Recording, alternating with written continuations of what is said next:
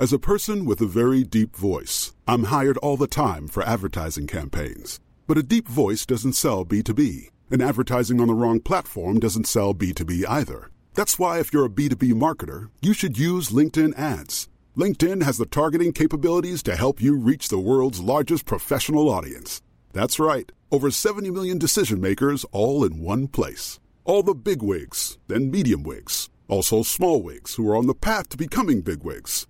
Okay, that's enough about wigs. LinkedIn ads allows you to focus on getting your B2B message to the right people. So, does that mean you should use ads on LinkedIn instead of hiring me, the man with the deepest voice in the world? Yes. Yes, it does. Get started today and see why LinkedIn is the place to be to be. We'll even give you a $100 credit on your next campaign. Go to linkedin.com slash results to claim your credit. That's linkedin.com slash results. Terms and conditions apply.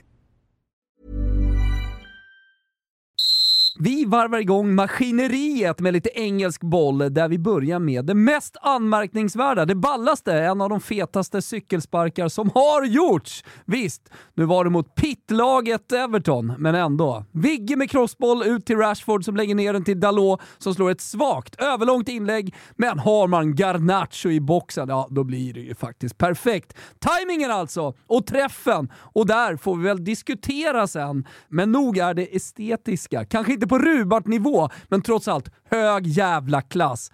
Everton var ingen björn som hade retats av minuspoängen. Det blev 3-0 till United som fortsatt är Premier Leagues formstarkaste lag.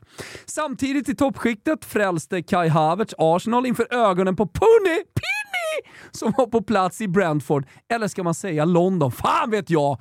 Där någonstans i alla fall. Hur som helst kom Arsenals seger lägligt eftersom Manchester City hade kryssat mot Liverpool och For whom it might concern så torskade ju Spurs på något märkligt vis hemma mot Aston Villa också. Äh, men det är ligagnugg som pågår Gugge! West Ham slår Burnley, Brighton snurrar runt spelare och vinner och sånt där va. Det största i helgen för oss svenskar där borta i Britannien och det är där vi avslutar svepet också. Var dels Elangas mål för Nottingham Forest, men kanske ändå framförallt konungens återkomst till Newcastle. Jajamensan, Alexander Isak är tillbaka och det dröjde inte länge innan han hade nätat. Härligt! Och viktigt för Newcastle. För det är ju Kanske som ni vet Champions League i veckan och nu börjar det så att säga stramas åt va? Inte minst i den gruppen som bland annat innehåller Newcastle. Mm, Milan är där också, visst. Det Milan. Jävla dålig övergång. Ja, de har ju Dortmund i helgen, men innan den matchen tog man emot Fiorentina i ligan och visst blev det någon slags repris på Fi och Juve. 1-0 Milan, sedan total Viola-dominans präglad av brända målchanser och ett könlöseri av den högre skolan. Kul för Milan som saknade Leao Giroud. Mindre kul för La Viola. Kul vet fan om många tyckte att andra halvlek av Juve inte var, men en första halvlek av hög klass fick vi i alla fall. Och på tal om Viola och hög klass, Kesa till Blahovic. Där har vi en flärdrumba Serie A har saknat. 1-0 målet var hur snyggt som helst. Men Inter kvitterade och sedan ville man inte göra illa varandra mer, som det så fint heter på italienska, och man spelade av fighten.